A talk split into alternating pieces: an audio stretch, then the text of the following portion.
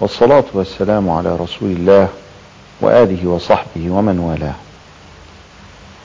نلتقي اليوم مع قاعدة من قواعد الفقه الإسلامي التي بني عليها ذلك الفقه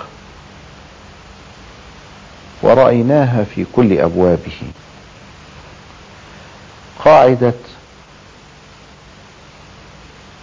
لا ضرر ولا ضرار. ويعبر عنها فيقال الضرر يزال. لا ضرر ولا ضرار نص الحديث النبوي الشريف. والنبي صلى الله عليه وسلم في شريعته كلها علم المسلمين أن الشرك بالله والإضرار بالناس وعقوق الوالدين من أكبر الكبائر. وأن الإضرار بالناس وإيقاع الضرر في هذا الكون منهي عنه. ليس في آية واحدة من كتاب الله ولا في حديث واحد من أحاديث رسول الله صلى الله عليه وسلم. الشريعة بكلها تدعو الناس للخروج عن الضرر والأذية والمفسدة والشر. فلا ضرر ولا ضرار أو الضرر يزال قاعدة أم أساسية تكون عقلية الفقيه وهي إحدى المكونات لعقلية المجتهد.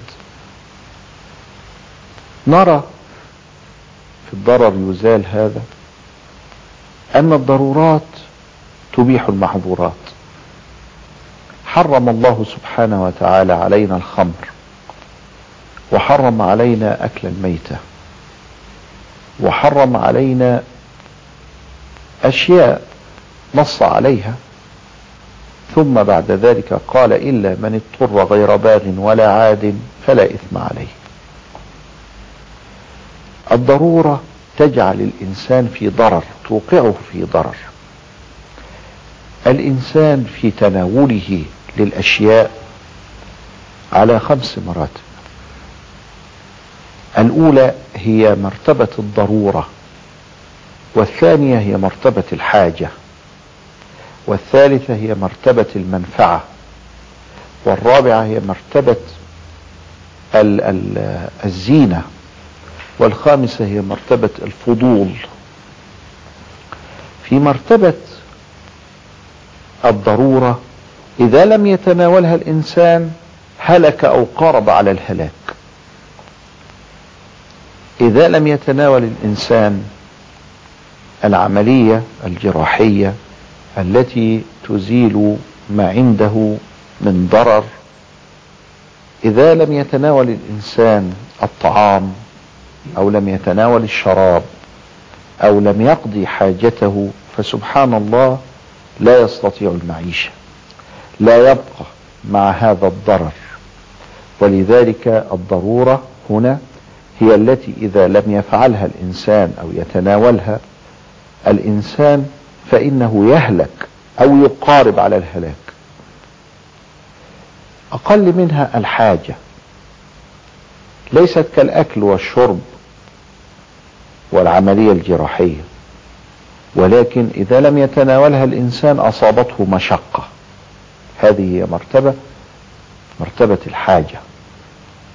مرتبة الحاجة الحقيقة مثل السكن السكنة.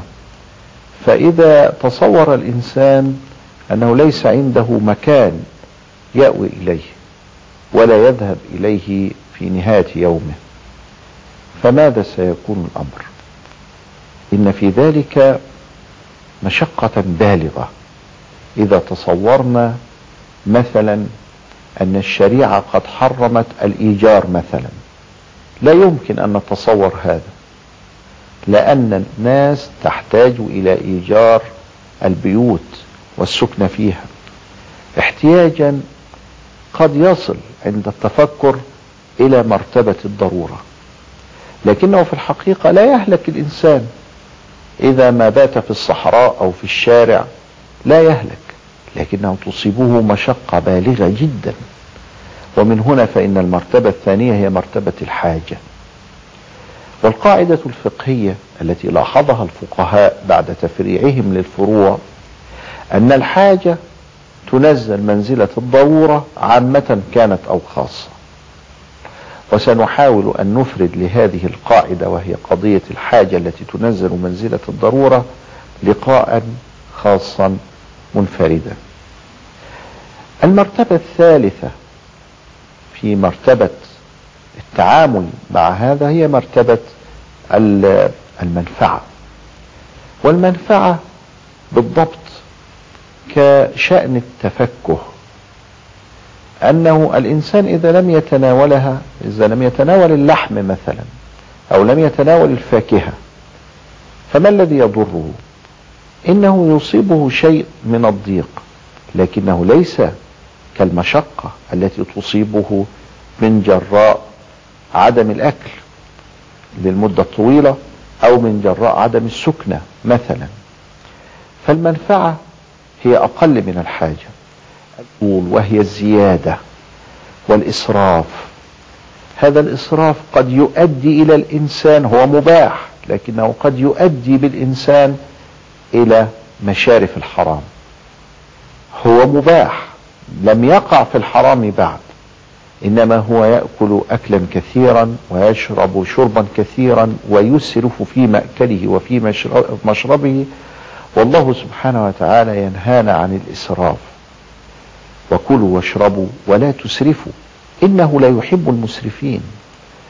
ينهانا عن التطرف في طرفي الأمر كله في هذه الخصلة وفي غيرها من الخصال. فالفضول فيه نوع إسراف والإسراف وإن كان في نفسه مباحا ولم يأكل شيئا من المحرمات إلا أنه يجعل الإنسان على مشارف الحرام. الذي يبيح المحظور هو الضرورة والحاجة التي تنزل منزلة الضرورة عامة كانت أو خاصة. فالله سبحانه وتعالى يريد أن يحافظ الإنسان على نفسه ثم على عقله ثم على دينه ثم على عرضه ثم على ملكه. وهذه التي تسمى بمقاصد المكلفين. هذه المقاصد حتى تحفظ فإنها تحفظ في أساسها في ضرورة التي تحفظ علينا هذه الخمسة وأيضا في مرتبة الحاجة وأيضا في مرتبة ثالثة يسمونها مرتبة التحسين. الذي يبيح الحرام هو الضرورة والحاجة التي تنزل منزلة الضرورة حتى نحافظ على تلك الخمس.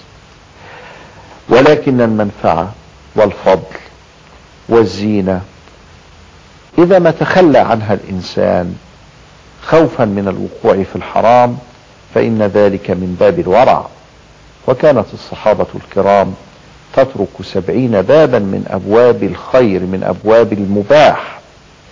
الذي لا حرمة فيه تترك سبعين بابا من أبواب المباح خيفة أن تقع في باب من أبواب الحرام.